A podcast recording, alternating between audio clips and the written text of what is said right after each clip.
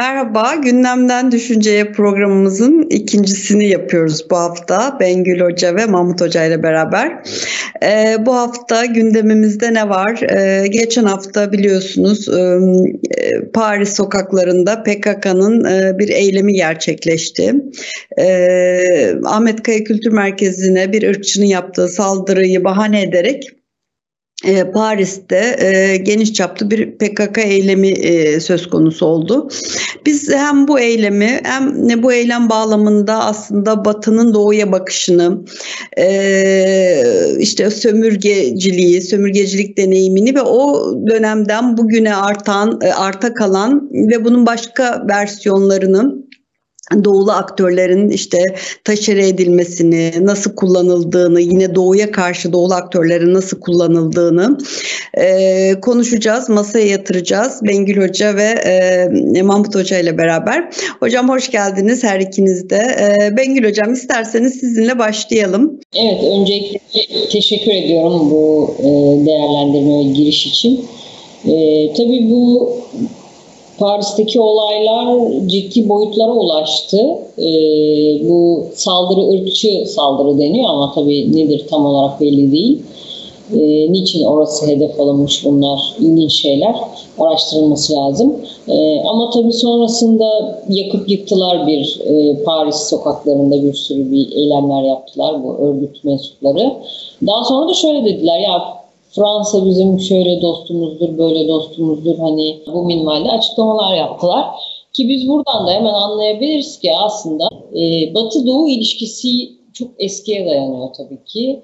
E, önce şunu tespit etmek gerekir ki Batı hiçbir zaman Doğu tarafından sömürülmemiştir. Sömürgele, sömürgeleştirilenler her zaman Doğu toplumları olmuş. Bir kere bunu tespit etmemiz lazım. E, Doğu hep cemaatin, duyguların, işte irrasyonelitenin, şehvetin, ne bileyim işte böyle e, akıl dışı olanın mekanı kabul edilmiş Batılılar tarafından.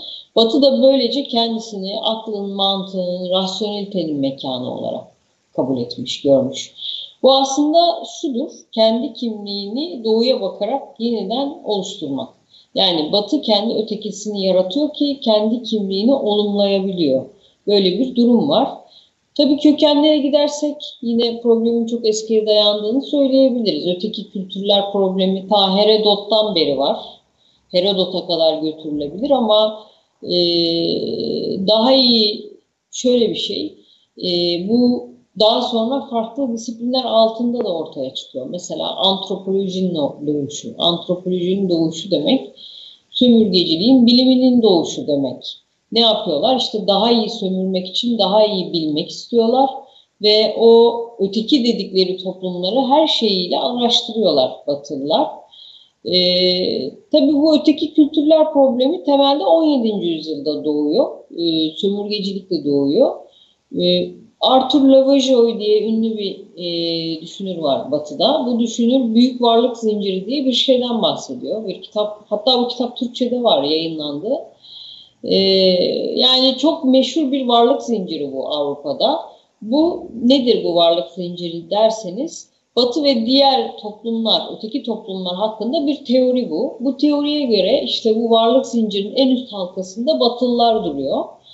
Alt halkalara doğru ise diğer toplumlar, öteki kültürler yerleşiyor. İşte Afrikalıları en alta doğru mesela, yerlileri en alta doğru yerleştiriyorlar. Ve işte çünkü bunu düşünüyorlar yani. Biz kendimizin dışındaki bu tuhaf kültürleri nereye yerleştireceğiz diye düşünüyorlar. Onlar da bizim gibi insanlar ama bu varlık zincirinde neredeler diye düşünüyorlar. E, dolayısıyla çok e, gerideki halkalardan biri olarak, birkaçı olarak görüyorlar bu toplumları. Tabii bunlar ilerleme fikrine inançtan doğuyor. Yani Batı toplumları ilerleme fikrine inanıyorlar ve kendileri gibi olmayan halklara ne yapıyorlar? Geri etiketini yapıştırıyorlar diyebilirim. Problemin kaynağını buradan e, ortaya koyabiliriz tarihsel olarak.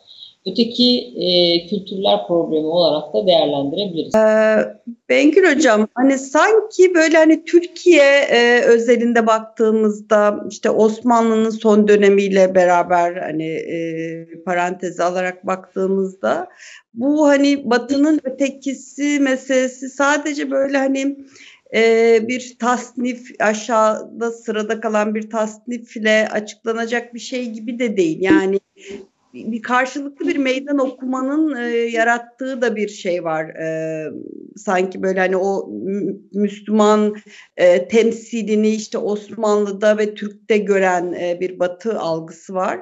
E, ve orada aslında işte Osmanlı, Türk, Müslüman bu e, kimlik bir bütün olarak çok da böyle hani aşağıda olduğu için ötekileştirilen değil. Belki de bir hani karşılıklı meydan okuma e, üzerinden de ötekileştirilen bir e, bir kimlik e, gibi değil mi? Ben mi hani yanlış şey yapıyorum? Çünkü sonuç itibariyle aslında bir Türk hayranlığı da var böyle hani özellikle bir dönem işte hani 17. 18. yüzyılda belki hani Türk evi, Türk sonradan hani böyle bir e, şeytanlaştırmaya dönen bir işte Türk Müslüman algısı var. Ee, bunun bu, bugüne iz düşümü e, nedir? Biraz belki hani oraya da bakabiliriz. Bu genel çerçeve evet yani Batı'nın bütün öteki Doğu toplumlarına ilişkin o irrasyoneliteyle işte egzotizmle e, ve bunun üzerinden de tabii ki yönetilebilir e, addediyor yani kendi dışındaki toplumları e, bu özcü yaklaşımla yönetilebilir addediyor ama sanki böyle Türk Müslüman algısına bu temsile ilişkin bakış açısında bir korku da var yani o yüzden bir şeytanlaştırma da var yanlış mı şey yapıyorum tespit ediyorum hocam. Evet yani korku olsa da şöyle bir şey var. Ben tabii bir boyutuna değindim. Burada bir çok boyutlu bir durum var. İnanılmaz bir oryantalist literatür var zaten her yeriyle değinilebilir. Yani edebiyatından sanatına kadar bu oryantalist yaklaşım. Burada şu, sorun şu, Batı ve ötekiler var. Yani dolayısıyla Batı kendi kimliğini bir şekilde oluşturmak ve olumlamak zorunda. Karşısındaki Türk olsun, Afrikalı olsun, ne olursa olsun. Zaten Doğu toplumlarını tarih dışı toplumlar olarak görüyorlar. Tarihe girmemiş. Mesela Hegel'e bakın. Doğu toplumları diyor tarihe girmemiştir diyor. Dolayısıyla kendileri tarihin içerisinde kendi kimliklerini oluşturmak istedikleri ve olumlamak istedikleri için burada ötekileştiriyorlar. Yine burada bir takım dikotomiler var. Onu da ben e, yine bana sıra Evet Mahmut Hocam e, biraz böyle blok gittik kusura bakmayın. E, ben hani sözü size vermiş olayım. E, kaldığımız yerden devam edebiliriz. E, eklemek istediğiniz hususlar varsa. Evet meselenin aslında bilgiyle ya da işte bizim sosyal bilimler literatürüyle ilgili e, kısımlarının en önemli boyutlarından biri bunun bir güç mücadelesi olması. Yani burada öteki tanımı yapılırken neticede güçlü olanın yaptığı bir tanımdan bahsediyoruz. Yani güçlü olanın aslında kurgusundan da bahsediyoruz. Yani demin Bengül Hoca'nın e, söylediği şeylerde özellikle ona vurgu yapmak lazım. İşte bir doğunun aslında kurgulanması. Yani gerçekten doğunun ne olduğundan ziyade o kurgunun üretilmesi ve o kurgu üzerinden kendini tanımlayan yani kendine dönen aslında bir bilgi ve güç ilişkisinden bahsetmek mümkün.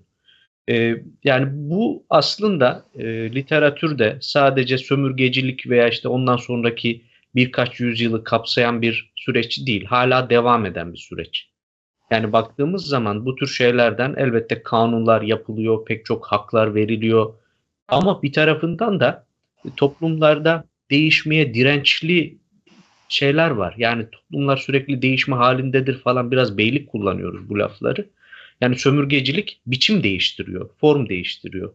Irkçılık aslında devam ediyor bir şekilde. Yani pek çok haklar verilmesine rağmen e, bu, bu sefer de görünmeyen başka sosyolojik bariyerler aslında insanların kendi içerisinde e, o gündelik hayattaki ilişkilerde e, ya da işte sınıfsal tabakalarına bağlı ayrımlarında e, ortaya çıkıyor. Bugün hala Amerika Birleşik Devletleri'nde mesela en son pandeminin de gösterdiği şeylerden biri bu.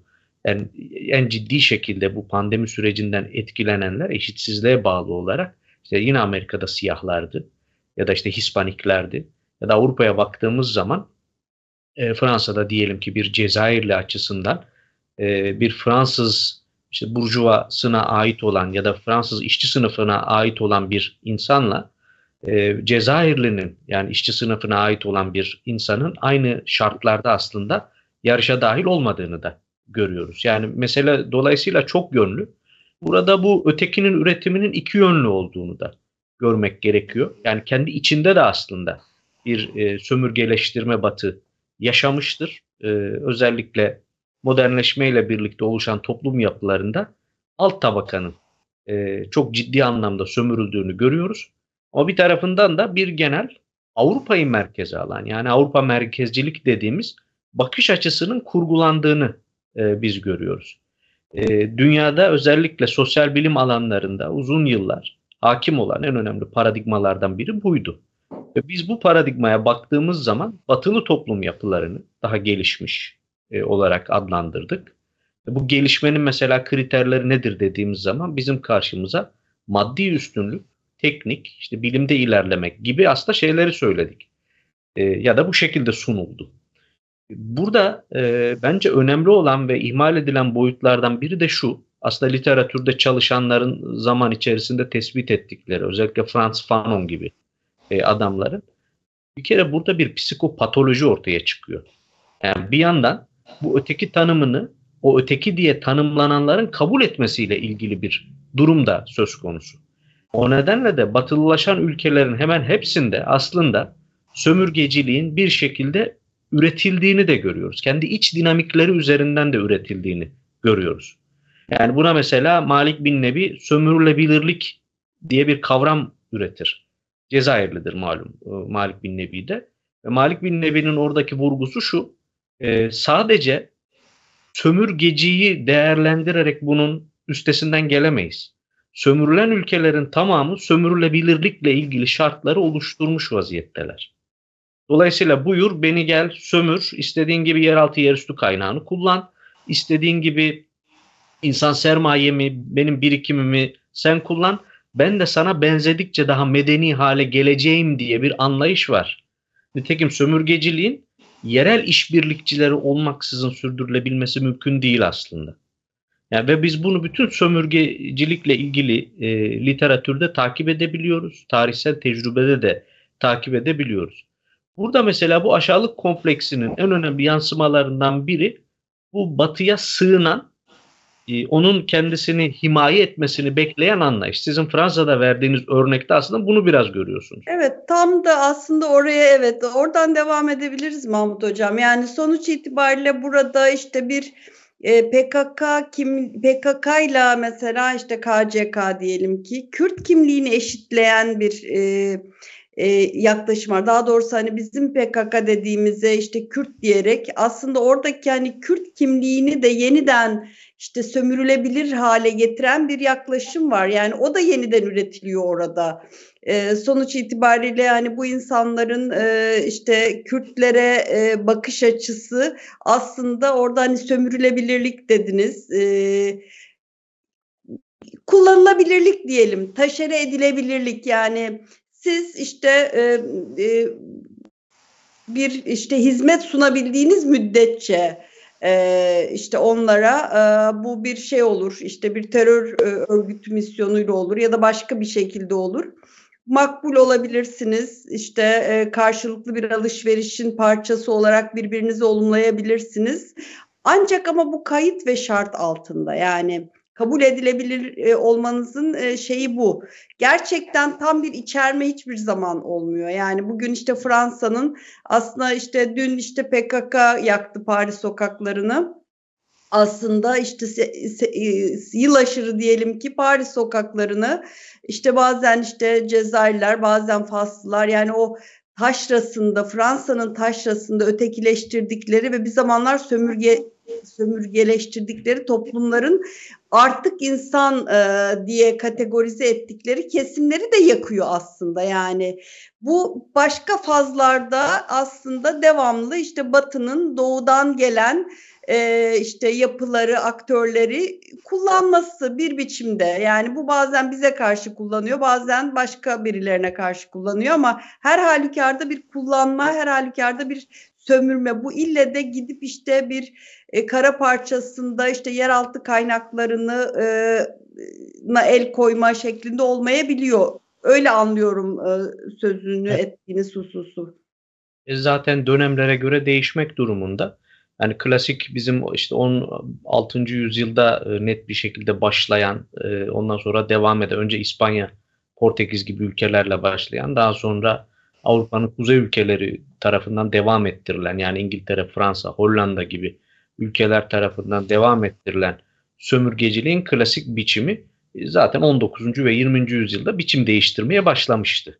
Yani farklı bir tarzda yapılmaya başlandı ama e, bu sömürgeciliğin dediğim gibi ortadan kalkması anlamına gelmedi hiçbir zaman. Tam tersine sömürgecilik e, dolayısıyla oluşmuş mesela zihniyetler, davranışlar, pratikler. Yani biz Türkiye'de yani Türkiye bağlamında da tartışması var meselenin ama özellikle işte Cezayir gibi, Tunus gibi ya da işte Güney Afrika gibi, Hindistan gibi ülkelere baktığımız zaman farklı e, bu kolonyalizm tecrübelerini yaşamış olanlarda mesela gündelik hayat ve pratiklere dair çok ciddi değişimler olduğunu görüyoruz. İngiltere sömürgeciliği ile Fransa sömürgeciliğinin de kendine göre farkları var. Ama bir sömürgeci bilinç ya da sömürgeyi içselleştirmiş bir bilinç. Bu aynı zamanda mesela sömürgecilik karşıtı şeyleri de üretmiştir kendi bağlamında. Yani bir çeşitlilik üretmiştir o anlamda söylüyorum. Ama e, neticede e, sömürgecilik tamamen çekilip orayı kendi halinde hiçbir zaman bırakmamıştır. Sizin de söylediğiniz gibi burada e, yani kendileri çekilmiş gözükebilirler. Ama bir şekilde o sömürgeciliği başka şartlarda, başka biçimlerde üretecek olan mekanizmalar devam et. Yine kendi ülkelerinin içerisine baktığımız zaman da benzer bir durumu takip edebiliyoruz. Ee, bir de işte buna gönüllü olanlar var. Bu da bir güç ilişkisi. Yani onlar tarafından himaye edilmeyi düşünmek, onların e, fikirlerinin, düşüncelerinin kayıtsız şartsız kabul edilip işte e, insanlara enformasyon e, yoluyla aktarılması gibi başka tarafları da var meselenin. Son e, zikrettiğiniz olayda da bu boyutlarını da meselenin görmek gerekiyor. E, peki e, Bengül Hocam e, iki husus daha var hani vaktimiz el verdiğince açmak istiyorum. E, birincisi yani hepimiz benim özellikle hani öğrencilik yıllarım işte 90'lar 80'lerin sonu Türkiye'nin de tanıştığı Türkiye'deki sosyal bilimlerin de çokça istifade ettiği işte bu Avrupa merkezci düşünceyi eleştiren işte postmodern düşünürlerin diyelim ki eserlerinin çevirileriyle aslında biz şey yaptık yani e, entelektüel sermayenin bu konuya yani kendine dönük bir eleştirellikle e, temayüz ettiğini görüyoruz. İşte sömürgeci şey yapan, e, eleştiren,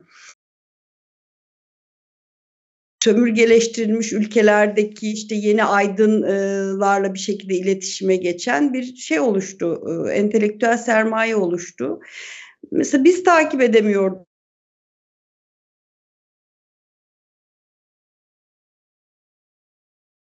Avrupa'da, hasreten belki Fransız e, entelektüel kamusunda böyle kendine dönük bir eleştirel e, şey var mı? E, düşünce üretimi var mı? Sanki orası da biraz böyle donuklaştı e, gibi ya da bu hani özgürlük meselesi o kadar hani e, farklı boyutlara e, girdik ki hani bu, burada bir eleştirellik söz konusu olduğunda ister istemez bu özgürlüğünün alanının bu kadar genişlemesini de bir eleştirmek gerekecek belki. Belki o yüzden bilmiyorum.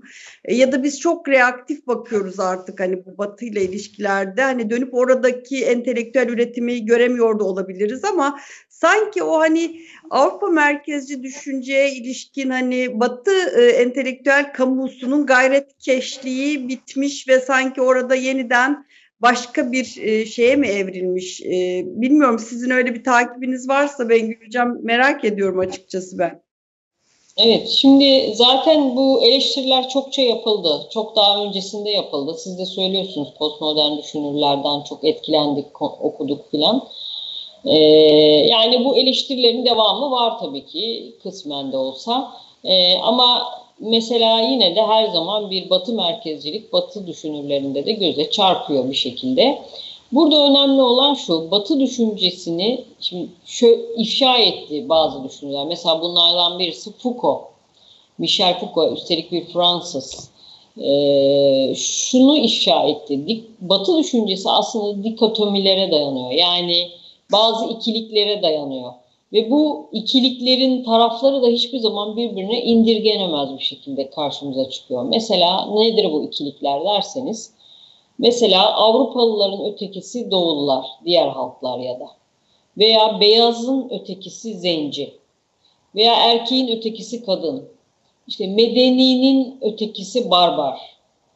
Ee, ileri olanın ötekisi geri. Veya rasyonel olanın ötekisi irrasyonel gibi. Hep bu ikiliklerle Batı düşündü. Batı düşüncesinde hep bu vardı. Burada tabii ki sınıflandıranlar var bir de sınıflandırılanlar var. Mahmut da haklı olarak değildi. Katılıyorum ben de onun düşüncesine güç meselesi bu diye. Buradaki sınıflandıranlar kendilerini medeni, diğerlerini medeni olmayan, barbar diye sınıflandıranlar, geri kalmış diye sınıflandıranlar, güçlü olanlar tabii ki. Bu dile e, yansımış. Dolayısıyla e, diğerleri üzerinde bu güçlü olanlar tasarrufta bulunuyorlar. Burada iş kötü olan tarafı şudur. Bu diğerleri de ötekiler de kendilerinin öyle olduğuna inanıyor. Yani bu dikotomin ikinci kısmına ait olduklarına inanıyorlar. Bütün sorun buradadır. Ee, yani Foucault işte her iktidar bir bilgiyi gerektirir demiş. Yani bilgi güçtür çünkü. Bilgi güçtür. Dolayısıyla Güç arzusu eşittir bilgi arzusudur. Nietzsche'ye de atıfla söyleyebiliriz bunu. Güç arzusu bilgi arzusuna denk düşer. Dolayısıyla, dolayısıyla bilgi güçse eğer sömürülenler, sömürenler, sömürülenler hakkında bilgi elde, elde ettiği sürece daha fazla güçlenecek demektir. Ee, yani buradaki dikotomik söylem başta ifade ettiğim bu güç ilişkilerinin kurulmasını sağlıyor Sonra da bu güç ilişkilerinin sürdürülmesini, e, devam etmesini sağlıyor. E, bir de bu söyleme ne yapıyorlar? Bu bizim diyorlar oryantalist dilimiz, e, bilgimiz işte antropolojimiz koyduğumuz hepsi objektif diyorlar. Hepsi nesnel diyorlar. Biz nesnel bir bilgiye ulaştık. Dolayısıyla e, bilimsel bizim bu söylediklerimiz diyorlar. O zaman daha da inanıyorsunuz. Ya işte bilimsel bakın biz gerçekten medeni değiliz. Bunlar medeni çünkü bunların bilimi var. Bu şekilde düşünmeye başlıyorsunuz. Dolayısıyla e, yani oryantalist bütün literatür bununla ilgili işte sömürgeciliğin keşif kolu diye geçiyor. İşte bütün bunlar o güçlünün daha fazla güç elde etmesine, bu ayrımları sürdürmesine, zayıfların da kendilerini zayıf kabul etmeye yani yönelmesine sebep oluyor. İdeolojik bir anlam taşıyor tabii ki. Ve mesela oryantalistler ne diyordu? İşte Doğu üniter bir sistem. Bunlar zaten değişmeye kapalı. Burada bir burjuva kültürü yok. İşte bir kent doğru düzgün oluşmamış. Sivil toplumdan bunlar mahrum. Dolayısıyla bizim gibi demokratik de olamazlar. Hep bu şekilde değerlendirmeler yapıyorlardı. İşte teorik olarak da bulabiliriz. Weber'in patrimonyal sistemi Doğullar için biçtiği veya Marx'ın çokça tartışılmış olan Türkiye'de de Atüt Asya tipi üretim tarzı sistemi gibi. Bunlar hep aslında oryantalist düşünceler ve sözünü ettiğimiz o e, güç ilişkilerini sürdürmeye yarayan ideolojik söylemler. Burada bize düşen nedir? Bu ideolojik söylemlerle savaşmak. Batı'nın kendi içerisinde savaşan bir grup var tabii, düşünürler var. Ama biz bunu daha ötesine götürmek zorundayız. Yani bilim üzerine eleştirilerde, bilim sosyolojisi, bilim felsefesi üzerine yapılan çalışmalardan hareketli olabilir. Oryantalist çalışmalar üzerine eleştirilerle olabilir. Başka şekillerde olabilir. Bunların üzerine gitmemiz, bu ideolojik şeyi, bagajı e, atmamız gerekiyor. Kendi sırtımızda bir ideolojik bagaj olarak bunlar duruyor maalesef. Ancak ee, böyle güçlenilebilir. Yani zaten bu böyle bir entelektüel çabayla aşılabilecek bir şey mi acaba? Hayır, sadece entelektüel çabayla aşılabilecek bir şey değil, toplum olarak da güçlenmek gerekiyor. Bakın şimdi burada terörizmi destekliyor Batılılar. Batılı büyük devletler. Fransızlar uçaklarını işte uçuruyorlar Suriye'nin üzerinde orada burada. Ruslar öyle, Amerikalılar öyle. Bunun sebebi birbirleriyle güreşememeleri. Yani direkt doğrudan dolayı, doğrudan doğru birbirleriyle savaşamadıkları için terörizmle bunu yapıyorlar. Yani oradaki terörizmi destekleyerek veya bu üçüncü dünya ülkelerinin paylaşımı, buradaki ülkeler üzerinde bir takım haklar ve tasarruflarda bulunarak yani kendi güçlerini orada test ediyorlar. Bizim de kendi gücümüzü test edebilmemiz için güçlü bir orduya, güçlü bir topluma ihtiyacımız var tabii ki. İşte tam da bu söylem Mahmut Hocam e, sizinle konuşalım burayı. Tam da bu söylem bir taraftan böyle hani bir hmm, bir aydın zümresi tarafından diyelim ki hani e, değerli aydınlarımız bunlar sonuç itibariyle hani Türkiye'li bir aydın zümresi tarafından bu söylem de sorunsallaştırılıyor. Yani e, işte Bengül Hoca'nın ifade ettiği şey yani bu bir aydın üretimiyle bu hesaplaşmayı yapamayacağımıza göre ki bu hakikaten e, baktığınızda konuşan aktörler yani sömüren aktörler ya da söylem kuran ya da işte tanımlama üstünlüğüne sahip olan aktörlere baktığımızda e, hepsi zamanında işte e, diyelim ki şey yokken hani kısıtlayıcı e, kurallar, uluslararası işte sözleşmeler, şunlar bunlar yokken ya da sömürgecilik e, karşıt hareketleri doğurmamışken diyelim ki tırnak içinde yükünü tutmuş, zenginleşmiş e, ülkeler işte sanayi devrimini erkenden işte yaşamış, işte çevreyi kirlettiği için e, şey yapılmamış,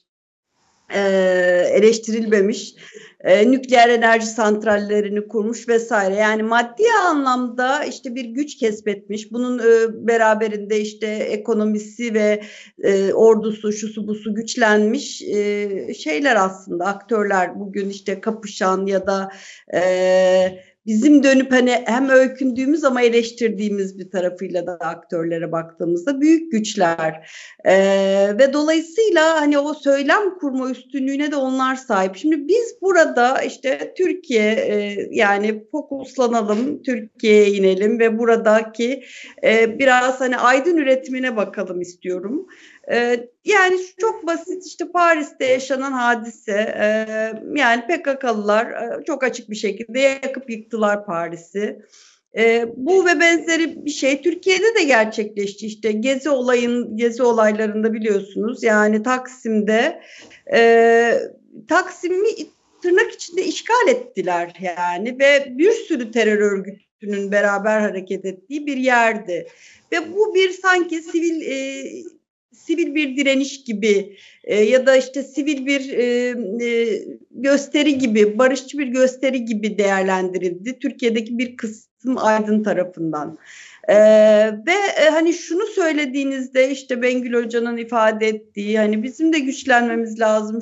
Bu hemen pejoratif bir şekilde sadece muhafazakar, klasik işte e, siyasi ideolojik duruş olarak etiketleniyor. Ve bu bir şeye dönüşmüş vaziyette. Yani Türkiye özelinde bir çıkmaza dönüşmüş vaziyette. Gerçek güç, otorite bakın şu sizi tanımlayan dediğinizde de e, bir şey ifade etmiyor. Ve e, son tahlilde yani içe dönük yaptığınız e, her e, diyelim ki şey e, tasarruf, her politika e, bir şekilde eleştiri konusu edilebiliyor. Ve dışarıdan e, Türkiye'ye dönük saldırılar da işte bir komplo teorisi olarak etiketlenebiliyor ve değersizleştirilebiliyor. Ben hani bu aydın e, dediğimiz hani zümrenin e, tabii böyle hani genelleştirmeyelim. Sonuçta hani biz de belki o kategoride konuşuyoruz şu anda. E, ama bir hani Türkiye'nin kendi aydınlanma e, serüveninde bir yerde bir şey var sanki yani. Belki hani oraya değinebiliriz e, diye düşündüm Mahmut Hocam. Evet. E, şimdi bu kalkınmayla ilgili yaptığınız vurgunun ya da işte bu aşağılık psikolojisinden biraz kurtulmayla ilgili süreç sadece aydınların sorumluluğunda değil aslında. Yani bu topyekun. Ama e, aydınlar bunun bir yerinde. Yani şöyle bir yerinde. Neticede e, bu e, demin de söylediğim bilgi akışının en kritik yerinde aydınlar e, duruyorlar. Ve Türkiye'de de bu psikolojinin oluşmasında da aslında aydınların çok ciddi bir rolü var. Yani bu mesele sadece siyasetçilerle ilgili bir mesele değil. Bu mesele sadece diyelim ki Türkiye'nin bürokratik kurumlarıyla alakalı bir mesele değil. Bu enformasyonun oluşması, üretilmesi, kabul edilmesi ve bunun etrafında bir psikolojinin e, oluşmasında aydınların merkezi bir yeri var. Söylediğiniz gibi aslında e, genelleştirmelerden biraz kaçmak durumundayız. Çünkü öteden beri daha sağduyulu aydınlarda oldu. Yani e, kendi tarihi birikimini önemseyen, e, kendi geleneğini önemseyen ama yeni ve gelecekçi düşünen insanlar da Türkiye'de oldu. Şimdi önemli olan bunların kamplaşmak yerine e, kendi birikimlerini ortaya koymalar. Yani şöyle bir şey de söyleyelim. Bu basit bir batı karşıtı reaksiyona dönmemek durumunda. Çünkü bizim 200 yılı aşmış bir batılılaşma tecrübemiz var. Şimdi mesela bu realiteyi biz yok sayarak bütünüyle bir batı karşıtlığı üzerinden bir şey yapamayız. Ama e, bu sürecin kendi içerisindeki problemli olan tarafları da gerek Osmanlı modernleşmesinde gerek Cumhuriyet modernleşmesinde bize nelere mal olduğuyla ilgili bir muhasebeyi de yapmak durumundayız. Yani dolayısıyla bir topyekun süreç olarak buna bakmak lazım. Fakat bir kendilik bilincinin oluşmasını e, kastediyor. Yani kendi toplumunda, kendi toplumunun değerlerini yok sayan, kendi toplumunun tarihini yok sayan, e, bunlara karşı hatta savaş açmayı ve batıda üretilmiş olan işte belli, kendi bağlamında üstelik üretilmiş olan belli şeylerin Türkiye'de tercümeci bir şekilde sadece taşeronluğunu yapan insanların e, Türkiye'deki bilgi akışına bir şey sunmaları mümkün değil. Yani bu anlamda Türkiye'nin kendi potansiyeliyle daha hareket etmesi gerekiyor. Yani bu şununla alakalı. Eğer bunu tersine döndürebilirseniz bunun karşılığını gündelik hayatta da görürsünüz. Ekonomide de görürsünüz, siyasette de görürsünüz. Yani bizim kendi meselelerimizi kendi içimizde çözmeyle alakalı bir e, tarafın olması lazım. Mesela gezi olaylarında sizin e, o vurguladığınız şeyde yani Avrupa Birliği'nin müdahale edeceğini ya da NATO'nun müdahale edeceğini falan beklediler. Tweetler attılar. Bununla ilgili bir manipüla- manipülasyona da mesele döndü. Bir de tabii tam ara, aranan bir fırsat. Yani özellikle terörü yöntem olarak e, kullanan gruplar açısından o tür karmaşa durumları, fitne durumları tam da e, arayıp bulamadıkları bir şeydir ki onu ba- başka bir hale de hani başında belki bir sivil şey olabilir. E, ilk günleri için söylüyorum sadece ama sonra geldiği yerde hani sağduyuyla orada bulunan insanların bile e, çekilmek durumunda kaldıkları bir şeye dönüştü. Yani de, dehşet verici bir e, şeye dönüştü. E, sürece dönüştü kendi içerisinde ki zaten kontrol edilmesi de mümkün değil. E, bir baş kaldırı e, sürecine dönüştü, olayına dönüştü diyelim. E, dolayısıyla burada da e, yani karşı karşıya geldiğimiz şey bizim yarı kendi yarınımızı, kendi geleceğimizi nasıl inşa edeceğimizle alakalı. Dediğim gibi burada hem kendi tecrübemizi görmek durumundayız. Yani batıyla, kendi batılılaşma tecrübemizde karşı karşıya geldiğimiz durumu. Bunun bize hangi maliyetleri ya da hangi imkanları sunduğunu, hangi kaynakları sunduğunu. Yani buna rağmen bir reaksiyonerlikle de bir yere varamayacağımızı e, düşünüyorum kendi içerisinde. Ama bu topyekun e, bir süreç. Dediğim gibi bütün kurumlarla gerçekleşecek bir süreç. E, fakat şeyden de biraz daha başka bir boyuta geçmeliyiz. Yani daha önceki o aşağılık psikolojisinin e, bir kere artık ötesinde e, hareket etmek e, gerekli. E, bir dikkatimi çeken bir husus var. Yani programın da sonuna yaklaştık gibi. Yani sizin de dikkatinize sunmuş olayım. Bilmiyorum hani nasıl değerlendirirsiniz. Yani sol düşünce, sol ideoloji ee, yani bu işte Sovyet Sosyalist Cumhuriyetler Birliği'nin dağılması, işte demir perde ülkelerindeki o rejim değişikliği vesaireden sonra böyle hani artık hani sönümlenmiş ve işte e, o hani tek kutuplu dünyanın entelektüel anlamda da e, kendini böyle hissettirdiği e, bir dönemden sonra sanki e, son e, yıllarda e, bu hani bizim işte terör örgütlerine ilişkin e, meseleyi bu kadar şey hissetmemizin de altında sanki böyle batıda da solun e, yeniden e, böyle güçlendiği bir e, şey var, bir vasat var. E, mesela işte PKK diyelim ki e, ve işte Suriye'deki işte YPG e, oluşumu e, Batı'da yani sol partiler dışında da çok kolaylıkla işte hani hükümetteki diyelim ki muhafazakar kısmen muhafazakar e, sağ partiler tarafından da bir işte bir taşeron olarak bir araç olarak kullanılabiliyor. Ama aynı zamanda işte o batıdaki işte o medyada işte ya da işte entelektüel dünyadaki üniversitelerdeki o sol hegemonya çok açık bir şekilde destekliyor. Çünkü işte o hani sol or, sol ideoloji bir ortaklık e, sağlıyor. Yani o desteğin zeminini oluşturuyor. E, bakıyorsunuz işte yani özellikle hani takip etmişsinizdir zaten hani Suriye'deki savaş e, Batı medyasında hasreten Fransa'da özellikle yani işte filmleri çekildi, belgeselleri yapıldı, işte kadın savaşçılar üzerinden aşırı derecede romantize edildi ve hani bunu anlatamadınız. Bakın bu insanlar hakikaten terör örgütü. Ee, yani bakın bütün e, şeyinde batıdaki o e, e, işte dernek adı altında faaliyet gösteren e, PKK'ya müzahir yapıların hepsinde e, PKK'nın işte broşürleri, söylemleri, işte teröristlerin fotoğrafları yani bütün o görsellik zaten buram buram PKK kokuyor. Buna rağmen e, bunu perdeleyen, bunu görmezden gelen ve hani sol ideoloji üzerinden bir ortaklık e, kuruldu ve hatta işte e, batıdaki işte solcu e, yapılar gittiler Suriye'de savaştılar vesaire falan. Onlar tabii tekrar ülkelerine döndüklerinde de bir hani o şiddetle e, çok yakın temas etmiş insanların hani tekrar toplumsallaşması, ıslah edilmesi gibi bir sorun da var tabii ki. Yani Batı'nın e, belki hani yüzleşmek durumunda kaldığı, kalacağı ya da ee, ama böyle bir şey yani siz de şey yapıyor musunuz? Yani sol yeniden böyle canlandıkça böyle hani solun şiddetle olan e, ilişkisinin aslında bir tür şeyini yaşıyoruz aslında. Orada çünkü bir fütursuzluk var. Yani sol şiddeti meşru görüyor pek çok düzeyde. E, ve bugün hani Batı'nın doğudaki işte bizim bize musallat olmuş terör örgütleriyle kurduğu ilişki böyle bir ideolojik e, arka planı da e, besliyor gibi e, sanki Bengül Hocam. Bilmiyorum bu konuda ne dersiniz? Evet, şunu söylemek lazım bence. E, bu şaşırtıcı değil. Neden değil? Çünkü solcu olduğunuz zaman uluslararası örgütlere otomatikman bağlantınız olabiliyor. Ama milliyetçi ve vatansever olduğunuz zaman öyle olmuyor. Milliyetçi ve vatansever olduğunuzda sesiniz duyulmuyor. Sesiniz çıkmıyor. Kimse sizi kale almıyor. Ama solcu olduğunuz zaman uluslararası bir sürü örgüt var. Dolayısıyla bu uluslararası örgütlere dahil olabiliyorsunuz. Sesinizi kolayca duyurabiliyorsunuz. Kendi propagandanızı yaptırabiliyorsunuz.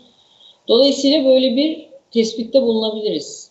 Milliyetçi olmak, vatanseverlik olmak para eden şeyler değil çağımızda. Ee, bir de tabii burada çok... Bir taraftan da şöyle Buyurun Şöyle hocam. bir şey yani sizin sorunuz çok geniş. Yani bir programa sığmaz anlatsak bir kere solu da tek yekpare, tek boyutlu almamak gerekir. Mesela tarihsel olarak da bakmak gerekir. Eski solcularla bugünkü solcular arasındaki fark nedir mesela? İşte eskiden bir solcu işte şeyi kaçırıyordu. Neydi? E, unuttum şimdi konsolosu kaçırabiliyordu. Yani Amerikan emperyalizmine karşıydı. Şimdiki solda bir emperyalizmle işbirliği de var. Yani bunlar tek boyutlu ele alınamaz. Çok geniş bakmak lazım. Oraya o da bu şey programa sığmaz yani. Ee, evet yani Amerikan karşıtı e, bir örgütken diyelim ki PKK şu an hani Amerika'nın işte taşeronu bir örgüt e, olarak işlev görüyor. Doğru söylüyorsunuz. Ee, yani e, ama işte burada aslında işte kullanılabilir olmak meselesine tekrar geliyoruz. Yani kendini kullanışlı bir şeye dönüştürdüğünüz zaman Mahmut Hocam sizin ekleyeceğiniz birkaç husus varsa buyurun. Programın sonuna geldik. Elimizden geldiğince diyelim ki e, bu başta değerlendirmeye çalıştık. Mutlaka çok eksik bıraktık. E, ama e, konuşacağımız pek çok konu yine bu bu buralarda dolaşmamızı gerektirecektir. E, tekrar değineceğimizi düşünüyorum ileriki programlarda. Buyurun. Yani şöyle söyleyelim. E, kendi ilkeleriyle çelişen ama kendi realitesiyle tutarlı bir durum var Batı açısından bu konularda. İlkeleriyle çelişik çünkü e, teröre e, bir şekilde insan hak insan hakları açısından baktığınızda terör hiçbir şekilde metot olarak kabul edilebilecek bir metot değil. Kim uygularsa uygulasın. Yani bunu ister sağ, ister sol, isterse kendisini başka bir ideolojik e, referansla tanımlasın ya da bir dinle tanımlasın. Terörün yöntem olarak uygulanması e, yani uluslararası insan hakları perspektifinden e, önemli bir durum. Ama diğer taraftan bunu yaptıklarını bile bile ki kendilerine yapılmadığı için biraz da böyle zaten mesele orada. Yani işte Türkiye'deki bir terör örgütünün desteklenmesini bu şekilde anlayabiliriz ya da işte başka Orta Doğu'daki bir ülkedeki e, terör örgütünün desteklenmesini, Uzak Asya'daki bir e, terör örgütünün desteklenmesini, Batı'da himaye edilmesini, silah desteği sağlanmasını, informatik destek sağlanmasını, ekonomik destek sağlanmasını e, yıllardır biliyoruz zaten. Meşruiyet sağlanmasını. İşte bunun etrafında bir de böyle özgürlük mücadelesi falan gibi şeyler. Yani bu meseleler dikkat ederseniz Türkiye'nin kendi içine de e, neredeyse bırakılmıyor. Çünkü şöyle bir şey de oluşuyor. Bunun etrafında oluşan siyasal karşıtlıklar, politik durumlara bağlı olarak aslında farklı sermayeler elde ediliyor. Yani bugün e, PKK sorununu ki e, Türkiye'de HDP'yi destekleyen kesim açısından bile PKK'nın artık bu terör işinden vazgeçmesi gerektiğiyle ilgili bir sağduyunun genel anlamda belki var olduğunu tespit edebiliriz. Araştırmalar da onu gösteriyor. Ama öbür taraftan PKK'dan vazgeçmeyecek bir sürü insan da olacak. Çünkü onun sağladığı bazı nimetler var. Onun bitmesini istemeyecekler. Yani meselenin bir de böyle bir tarafı var ve bunun hem dış ayağı var yani Türkiye dışındaki bir ayağı var hem de Türkiye içerisindeki bir e, ayağı söz konusu. Sağ sol meselesiyle ilgili de ben de Bengül Hoca'ya e, katılıyorum. Mesela Türkiye açısından da dediğiniz gibi mesela e, böyle tam bir e, tercümeci taşeron diye benim adlandırdığım işte tipte e, moda olarak üstelik yani soğuk savaş döneminde başka şeylere vurgu yaparken bugün işte bambaşka şeylere vurgu yapan hatta tam da böyle eleştirmesi gereken gerektiği o kapitalist e, kapitalizmin yeni üretim döngülerini doğrulayacak şeyleri savunan güya özgürlük adına savunan bir yere evrilenler var. Ama bir tarafından da mesela Kemal Tahir gibi adamlar var. Yani Türkiye'nin kendi gerçekliğinin farkında olması gerektiğini savunan e, sol görüşlü yani Marksizmi bir yöntem olarak kabul etmiş böyle adamlar da var. Dolayısıyla onun da hakkını teslim etmek e, gerekiyor. Birbirinden farklı şeyler var ama iyi analiz etmek lazım çünkü geldiğimiz yerde Avrupa'da bir yandan sağ yükseliyor dikkat edecek olursanız. Evet, evet. Ve ortaklaşabiliyorlar e, hocam. Hani bu da çok enteresan. Evet. Yani Batı Doğu karşıtlığında ya da yabancı düşmanlığında o aşırı batı, sağ ve aşırı solun ortaklaştığı bir vasat oluştu yani e, garip bir şekilde. İlk söylediğim cümle zaten e, özellikle onu işaret ediyordu. Kastettiğim şey şu. Yani ilkelerinde çelişik gözüküyorlar ama kendi realitelerinde çok tutardılar bu konularda. Yani değilse Stalinist bir örgütü neden mesela Fransa ya da işte başka bir Almanya mesela neden desteklesin? Stalinist olduğu hala da o ilkelerden vazgeçmemiş bir e, örgüt baktığınızda ama orada başka türlü e, yorumlanıyor. Bir de şöyle bir şey var tabii. Kitle toplumları kolay manipüle edilebilir toplumlar. Yani bu Amerika Birleşik Devletleri özellikle bunu kitle iletişim araçları üzerinden, Hollywood üzerinden, bugün işte başka dijital platformlar üzerinden Vietnam Savaşı'nı da gayet insanlık lehine, demokrasi lehine, medeniyet e, lehine bir savaş olarak kurgulamıştı. E, işte şeyden 2001'den sonraki Müslüman dünyaya yaptığı bütün saldırıları da aynı şekilde oraya medeniyet götürme. Yani e, göstermek istediğini gösteriyor biraz daha ve bunun tabii ki insanlar genel kitle toplumunda alıcısı da çok olacaktır. İkna da olacaklardır. Bunlarla mücadele etmek aslında e, o asıl Avrupa merkezci dediğimiz Batı merkezci bakış açısıyla mücadele biraz bu manipülasyonun arkasında neyin olduğuyla uğraşmakla da ilgili. Zor olan da herhalde o. Evet. Ee, çok teşekkürler Mahmut Hocam, Bengül Hocam. Ee, izleyicilerimize de e, bize katıldıkları için teşekkür edelim. Ee, bir sonraki yayında görüşmek üzere. Ee, bugünlük bu kadar. Ee, hoşçakalın.